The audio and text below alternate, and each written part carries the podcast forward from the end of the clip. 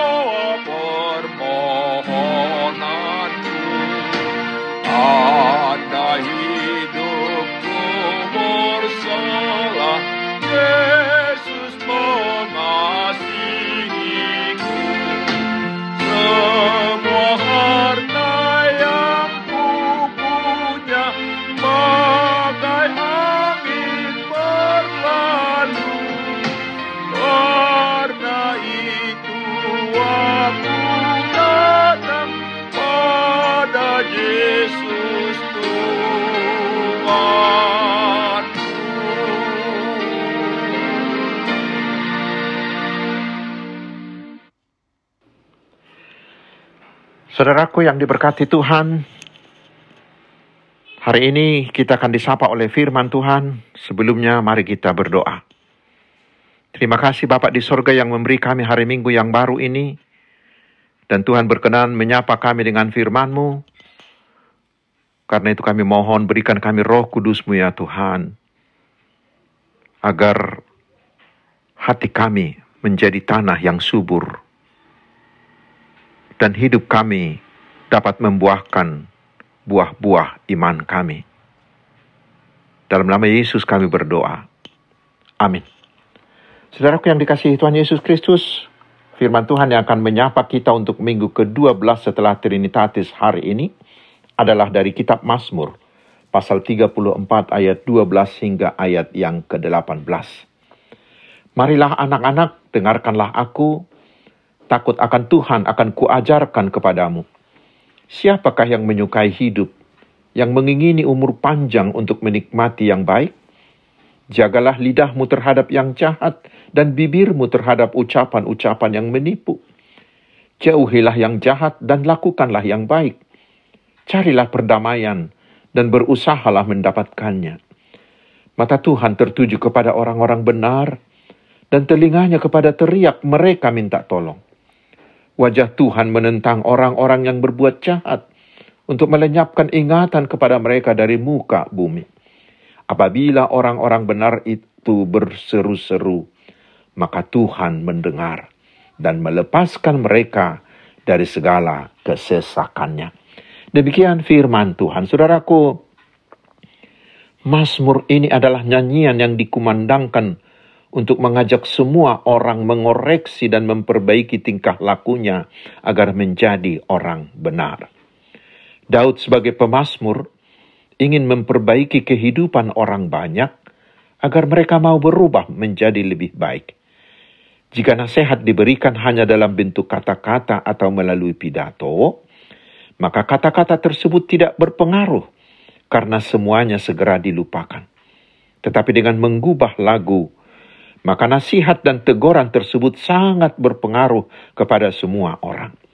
Seperti Yeremia juga, tidak hanya menyampaikan nasihat dan teguran dalam bentuk kata-kata, tetapi dengan nyanyian ratapan atau adung atau nyanyian kesedihan.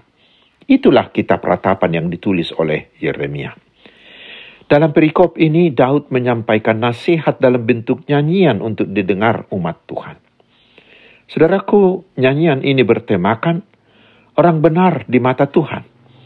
Menurut perikop Mazmur 34 ayat 12 hingga 18 ini, ada empat kriteria supaya seseorang dapat disebut sebagai orang benar. Pertama, orang benar itu selalu memakai firman Tuhan sebagai pedoman hidupnya ayat 12. Kedua, orang benar itu menjaga lidahnya tidak sembarangan ngomong ayat 14. Barang siapa mampu menjaga lidahnya, dia mengurangi masalah dalam hidupnya. Dan yang ketiga, orang benar itu menjauhkan diri dari yang jahat, serta berjuang melakukan yang baik, ayat 15. Seseorang dapat disebut sebagai orang benar hanya jika ia mampu memisahkan diri dari kumpulan orang jahat. Mazmur 1 ayat 1 hingga 3.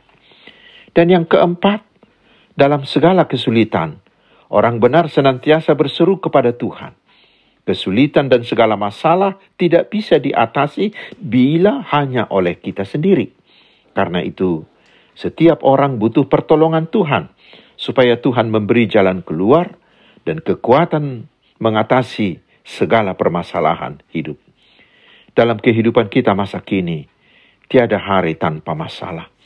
Kita dapat menghadapi semuanya itu hanya bersama Tuhan dan sekaligus bersama-sama dengan dengan sesama orang beriman di dalam kebenaran. Karena itu saudaraku periksalah dirimu. Apakah sudah pantas disebut sebagai orang benar? Amin. Mari kita berdoa. Ya Tuhan, kami mau memeriksa diri kami dengan bercermin kepada firman Tuhan untuk memastikan bahwa kami selalu menjadi orang yang benar di hadapanmu. Tuhan memberkati engkau dan melindungi engkau. Tuhan menyinari engkau dengan wajahnya dan memberi engkau kasih karunia. Tuhan menghadapkan wajahnya kepadamu dan memberi engkau damai sejahtera. Amin. Selamat hari Minggu, saudaraku.